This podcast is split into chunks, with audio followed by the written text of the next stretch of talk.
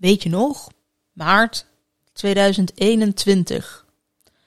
Bilal Wahib uh, was uh, een acteur, onder andere bekend van Mokro Mafia en is een rapper. Hij was live op Instagram samen met een vriend en zij daagde een jongen van 13 uit om zijn piemel te laten zien. Daar stond een vergoeding tegenover, een financiële vergoeding. Ja, die jongen wilde geen aangifte doen, die wilde ook eigenlijk liever niet dat de politie daar verder nog wat mee zou gaan doen. Dus er gebeurde niks en binnen drie maanden stond uh, gewoon weer op het podium. Had het management hem weer teruggenomen en had de platenmaatschappij hem ook weer teruggenomen. En leek het bijna alsof er niets aan de hand was. Later zijn er twee meiden um, op zoek gegaan naar een plek waar zij hun verhaal konden doen. Uh, omdat zij ook zaken mee hadden gemaakt, uh, verkracht waren, aangerand waren, uh, ander seksueel, ook grensoverschrijdend gedrag hadden meegemaakt bij The Voice of Holland. Zij zochten contact met het tijdschrift Linda. Het tijdschrift Linda zei uiteindelijk: Ja, wij vinden het toch wel heel erg lastig om hier verder onderzoek naar te doen en om hierover te publiceren, want wij doen eigenlijk niet aan onderzoeksjournalistiek. Daar hadden ze nog wel een freelancer voor ingehuurd, maar die vond het kennelijk ook allemaal wel wat eng. Durfde niet zelf contact op te nemen met andere personen. Dus uiteindelijk kwam het niet tot een publicatie. Eh, ze hebben wel contacten gelegd met Boos en daar is uiteindelijk een lang, lange aflevering tot stand gekomen. En hebben die meiden alsnog aangifte gedaan. Tegen het magazine Linda zeiden ze: Goh, nee, ik willen alleen maar het verhaal anoniem doen. Uh, vertel het alsjeblieft verder niet aan John de Bol, niet aan Talpa.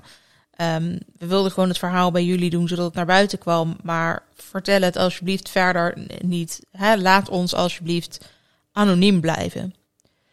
Dus zo geschieden. Maar terwijl we het kennelijk van die jongen van 13 prima vonden dat hij liever geen strafvervolging wilde destijds. En um, dat hij eigenlijk wilde dat het allemaal hiermee afgedaan zou zijn. Zo keken we daar toch anders naar, kennelijk, bij het tijdschrift Linda. Hadden zij nou dat verzoek van die meiden inderdaad moeten inwilligen zoals ze dat nu gedaan hebben en hun mond moeten houden? Of was het zo'n ernstig feit dat zij daar toch anderen van hadden in moeten lichten, zodat er meer had kunnen gebeuren. In deze aflevering van Potje Oplos Koffie wil ik het daarom graag even hebben over de verantwoordelijkheid van zo'n tijdschrift. Wat zijn nou eigenlijk de verplichtingen en ook hun rechten in zo'n situatie als deze? Voor zover we natuurlijk überhaupt beschikken over alle informatie.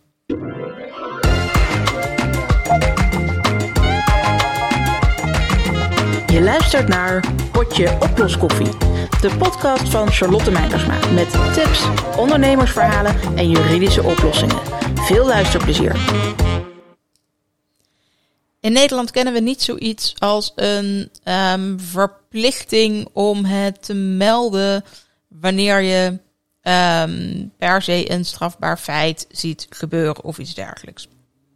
Uh, je moet wel mensen te hulp schieten wanneer zij in levensgevaar verkeren. Maar nou, dat kan ook betekenen dat je op dat moment gewoon 112 belt. Um, van een 112 situatie was in dit geval natuurlijk geen sprake. Het was al wat langer geleden gebeurd. Uh, natuurlijk, die meiden die, die, die moesten geholpen worden. Maar uh, dit gaat dan allemaal niet zo ver dat zo'n tijdschrift per se de politie hierover had moeten inlichten. Het zijn wel delicten waar de politie überhaupt zelf onderzoek naar zou kunnen doen en waar het OM zelfstandig in zou kunnen vervolgen. Het zijn geen zogenaamde klachtdelicten uh, zoals dat bijvoorbeeld zo is bij smaad of bij laster. De vraag is dan natuurlijk, had dus tijdschrift Linda inderdaad moeten luisteren naar die meiden en moeten handelen zoals ze dat nu gedaan hebben? Um, of ze misschien toch meer moeite moeten doen om, om, om eh, onderzoeksjournalistiek te bedrijven? En zeker dat laatste is denk ik meer een vraag van journalistieke ethiek. Um, daar kun je moreel in elk geval van alles van vinden. Hè? Hadden zij moreel anders moeten handelen? Maar als we het hebben over het moeten melden bij John de Mol en bij Talpa, ja, dan is dat simpelweg niet aan zo'n tijdschrift om dat te beslissen. Juist als die meiden zelf aangeven, goh, wij willen dat niet, want we weten dan gewoon niet hoe het verder afloopt, wat er dan zal gebeuren, wat voor impact dat op ons gaat hebben. Dit, dit willen we niet. Wij wilden anoniem ons verhaal doen, um, zodat dat naar buiten zou komen, zodat het gesprek erover gevoerd zou kunnen worden. Maar het gaat eigenlijk niet om ons als personen, maar het gaat om de cultuur. En daar moet iets aan veranderen. Je zou eigenlijk juist kunnen zeggen dat als het tijdschrift hiermee wel naar Talpa zou zijn gegaan, of hiermee wel naar John de Mol zou zijn gegaan, dat je dan misschien wel nog meer rechten van die meiden schendt. Zij hebben namelijk gewoon een recht op een privéleven. Zij hebben het recht op het eerbiediging van hun eer en goede naam. En ja, tuurlijk, zij hebben ook het recht om niet aangerand of niet verkracht te worden. Um, maar dat ze het recht hebben om niet aangerand en niet verkracht te worden, betekent niet dat opeens al hun andere rechten maar komen te vervallen. Het is ook hun keuze om iets privé te laten zijn en dat verder niet met naam en toenaam openbaar te willen maken. Dat is hun keuze en dat heb je dus te respecteren. Op het moment dat het tijdschrift dit wel zou verspreiden en wel zou melden aan, aan John de Mol en aan Talpa, dan respecteren ze dus eigenlijk juist dat privéleven niet. En respecteren ze dus dat recht op eer en goede naam niet, de eerbiediging daarvan niet. Eigenlijk zouden ze daarmee juist dus zelf weer rechten van die meiden hebben geschonden. Als ze dat, die melding niet eens zorgvuldig aangepakt zouden hebben, waardoor het misschien wel een te grote groep mensen zou hebben bereikt, en niet alleen maar de juiste personen bij Talpa en niet alleen maar bij John de Mol. Um, nou ja, goed, nou hebben natuurlijk niet het doel om van die meiden hun eer en goede naam te schenden. En dat is er wel voor nodig. Maar anders komt het heel erg dicht in de buurt van smaad. Dat is namelijk het verspreiden van waarheden onder een grotere groep mensen om een rugbaarheid aan te geven. Weliswaar met als doel om dus eer en goede naam te schenden. Nou ja, goed, dat doel zullen ze niet gehad hebben. Dus je, je komt niet aan dat, aan dat smaad of de smaadschrift. Um, maar dit zijn, ja, je kunt daaruit denk ik wel heel goed proeven wat voor rechten mensen hebben. En dat je dus daar ook niet te lichtvaardig mee om moet gaan. En wat mij nou opvalt, is hoe wij over even die twee situaties, dus van het jongetje van 13 en over deze twee meiden, en over hoe daarmee om wordt gegaan, hoe anders we daar naar kijken. Van die jongen respecteerden we meteen dat hij geen aangifte wilde doen, dat hij het erbij wilde laten zitten. Dat er, nou ja, kennelijk uiteindelijk nog wel iets van excuses van die Bilal kwamen. Hij zou het ook met hem opgelost hebben. Uh, volgens mij niet met de beloofde financiële middelen, maar goed. Zij zijn er kennelijk onderling uitgekomen. De jongen heeft er vooral voor gekozen om het achter zich te laten en door te gaan. Ondanks dat heel veel mensen bij uh, die Instagram live aanwezig waren. Het daarna natuurlijk nog is opgeslagen en nog meer mensen het gezien hebben. Dat maakt hem kennelijk niet uit. Hij wilde het achter de rug hebben. Dus goed, iedereen vond wat van Bilal. Daar hebben we uh, uitvoerig over gesproken. Het management en zijn platenlabel waren er als eerste bij om hem aan de kant te schuiven. Radiozenders um, zenden niks meer van hem uit. En nou, hij leek gecanceld. Zijn Instagram-account had hij een levenslange ban op. Hij heeft het gisteren nog heel even geprobeerd, maar um, na een paar uur werd zijn account weer verwijderd. Dus die, um, die ban die gaat in elk geval uh, uh, meer dan een jaar duren. Misschien dus inderdaad wel echt levenslang.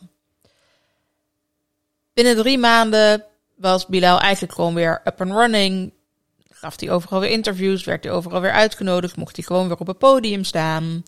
En uh, werd zijn muziek weer gedraaid. Uh, nu, de muziekmaatschappij heeft hem weer teruggenomen. Het label heeft hem weer teruggenomen. Zijn management heeft hem weer teruggenomen.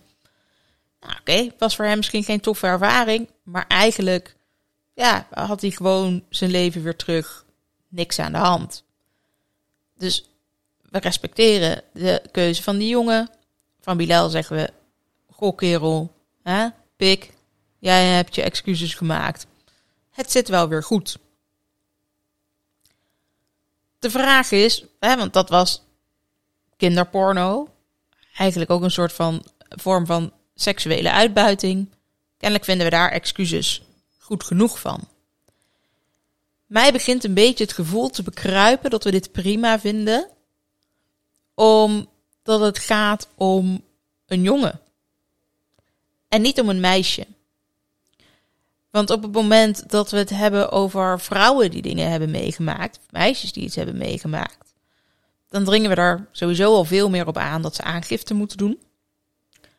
Terwijl dat nou eenmaal ook een groot emotioneel effect kan hebben en je daar best goede redenen voor kan hebben om dat toch maar niet te doen. Uh, misschien ook afhankelijk van de ernst van de situatie, uh, hoe heftig het op je over is gekomen. Um, want zo'n hele procedure door, nog een aantal keer je verhaal moeten doen, die rechtszaken door, verhoren door, het opnieuw moeten beleven, dat is natuurlijk ook geen pretje. Dus, nou ja, hè, er, er, zit wat in als, als mensen dat besluiten om dat niet te doen. Maar dan pushen we opeens. Nee, je moet wel aangifte doen. Um, zowel hè, mannen als vrouwen. Zoals John de Mol al zei, nee, je moet het wel melden. Want anders dan kunnen we niks. Ja, uh, hè, tuurlijk, je moet het ook melden. Net zoals je je deur ook op slot moet doen en er een goed slot op moet zetten. En je ook niet kunt zeggen, mensen moeten maar gewoon niet inbreken. Nee, mensen moeten inderdaad niet inbreken, maar het gebeurt nou eenmaal wel.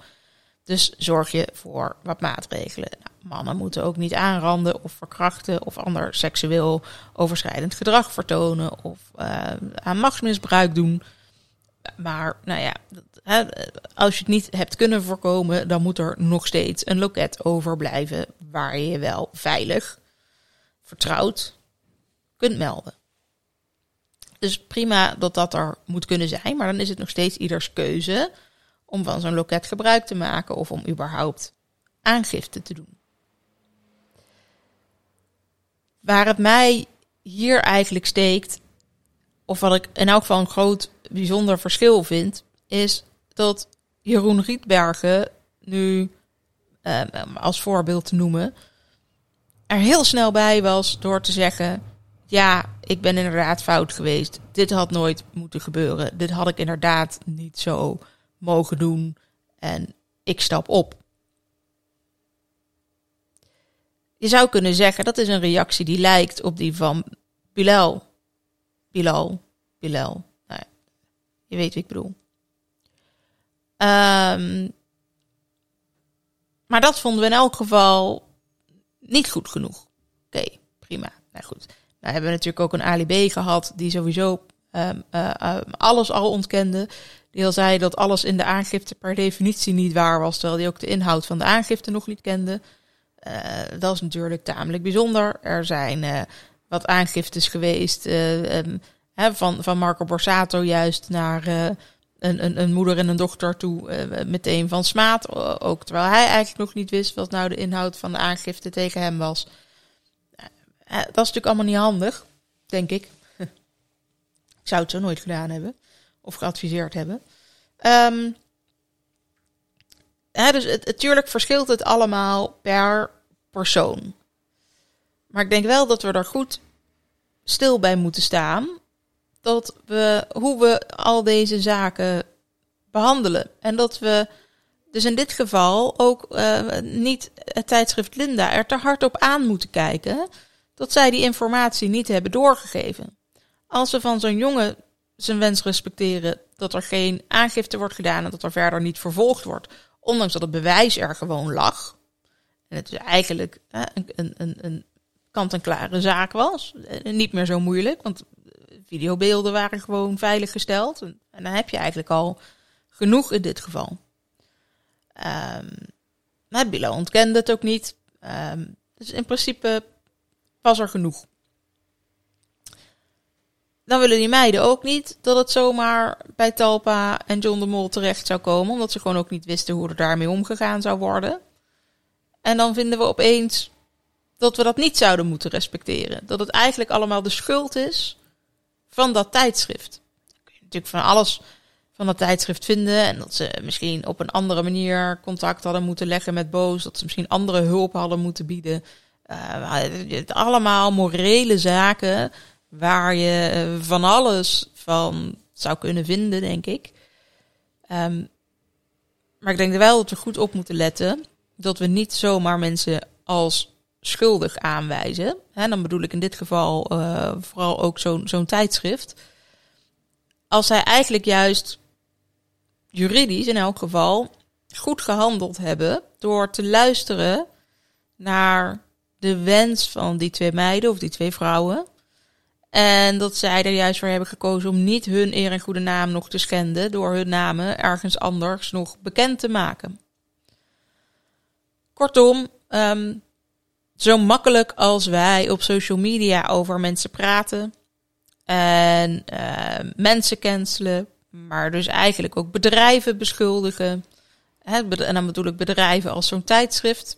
Um, want ik zie een beetje de, de persoon en het bedrijf bij The Voice uh, wat meer als één geheel. Um, daar moeten we wel wat voorzichtiger mee zijn. We, we, zijn nogal bezig met een cancel culture waarbij we soms uit het oog verliezen wat individuele belangen zijn. En als die meiden die aandacht destijds in elk geval niet op die manier wilden, dan is dat prima. Ik geloof dat één of misschien wel beide van hen er inmiddels op teruggekomen zijn en wel aangifte hebben gedaan. En ook die beslissing is prima. Hè? Je moet op zo'n keuze ook gewoon weer terug kunnen komen. Um, ik hoop vooral dat dat een keuze is die zij echt zelf gemaakt hebben. Um, en dat ze daartoe ook weer niet gepusht zijn om dat te doen. En net zoals het niet goed is om mensen ergens uit te praten. Dat als ze aangifte willen doen, dan gezegd wordt, ja, weet je wel zeker dat je dat wil doen? Want, nou ja, het is allemaal zo heftig en zo zwaar. Daar moeten mensen over geïnformeerd worden. Maar ze moeten daar niet uitgepraat worden. Um, dus ik wil niet, niet van alles hiermee goed praten of iets dergelijks. Wat ik vooral hoop is dat we daar met z'n allen wat beter over na gaan denken. Goh, als je nou vijf stappen verder denkt, wat zijn dan nou ergens van een bepaalde handeling, van iets wel doen of van iets niet doen? Wat zijn daar nou eigenlijk de implicaties van? En behandelen we iedereen wel daadwerkelijk zo gelijk als we mensen ook daadwerkelijk gelijk willen behandelen? Um, maken we niet toch nog een onderscheid tussen, ach, het is een jongen waarbij het gebeurd is en hij wil het niet, dan is het prima. En het is een meisje waarbij het gebeurd is, maar dan is het opeens niet meer zo prima. Ik maak me daar wel een beetje zorgen over. Um, en ik, uh, ik, ik, heb, ik heb het antwoord niet. Ik kan je niet vertellen hoe we dit wel zouden moeten doen. Het enige wat ik kan vertellen is, is hoe het juridisch in elkaar zit. En dat we dan dus ook niet te snel moeten beschuldigen. Um, dat we hier best eens wat voorzichtiger over kunnen zijn. En dat het denk ik goed is om dit soort discussies genuanceerder te voeren en iets minder met een vingertje te wijzen. Zodat we meer bezig kunnen zijn met, met de inhoud, met het overdenken, met het afwegen. Um, dan met meteen proberen om bepaalde personen of bedrijven te cancelen. Um, dit is denk ik een typische aflevering van een podcast waarvan ik nu denk, ik vind het een belangrijk onderwerp en ik wil het graag bespreken. Uh, ik, ik vind dat we er genuanceerder over moeten denken. Ik vind dat we er rustiger over na moeten denken. Ik vind het dus belangrijk om dit zo te bespreken. Ik weet ook hoe gevoelig dit onderwerp ligt. Ik weet ook hoe erg mensen hier niet genuanceerd op zouden kunnen reageren. Hoe mensen vingerwijzend hierop zouden kunnen reageren. En dat we dus niet echt het gesprek daarover aan kunnen gaan. Um, dus dit zou misschien nog wel eens een podcastaflevering kunnen zijn. Um, die als, er, um, als, het, als het gesprek er niet genuanceerd over gevoerd kan worden, dat ik hem later weer verwijder. als dat zo is, dan uh, is voor iedereen die hem geluisterd heeft, nou ja, die heeft aflevering 13 geluisterd. Um, als je aflevering 13 mist, uh, nou ja, dat zul je niet weten dan, waarschijnlijk. Dan uh, zie je alleen maar, hé, hey, daar mist een aflevering en waarom heb je nou nummer 13 overgeslagen? Nou, die heb ik dan niet overgeslagen. Maar dat betekent dan gewoon dat deze aflevering weer gedelete is. Omdat juist de wens die ik eigenlijk met deze podcast uit wil spreken, met deze aflevering uit wil spreken, dat we wat meer met elkaar in gesprek kunnen gaan. Wat meer zaken kunnen overwegen, minder beschuldigen, minder opdringen. Um, dat dat dan um, gruwelijk mislukt is. Um, en dat daardoor de aflevering is verwijderd. Goed, ik dank je wel uh, voor het luisteren naar deze podcast. Wil je hierover in gesprek? Uh, DM me vooral. Stuur me eventueel een e-mail. Laten we hier vooral genuanceerd het gesprek over aangaan. En ik hoop dat we op die manier voor iedereen de wereld een beetje beter, een beetje veiliger kunnen maken. En dat mensen zich daardoor juist ook uh, vrijer en vertrouwder gaan voelen om uh, wel zaken te bespreken. Juist omdat ze weten dat ze niet op een keuze aangevallen zullen worden, maar dat ze gewoon de mogelijkheid hebben om bij anderen te raden te gaan. Goed, nogmaals dank en tot een volgende potje oploskoffie.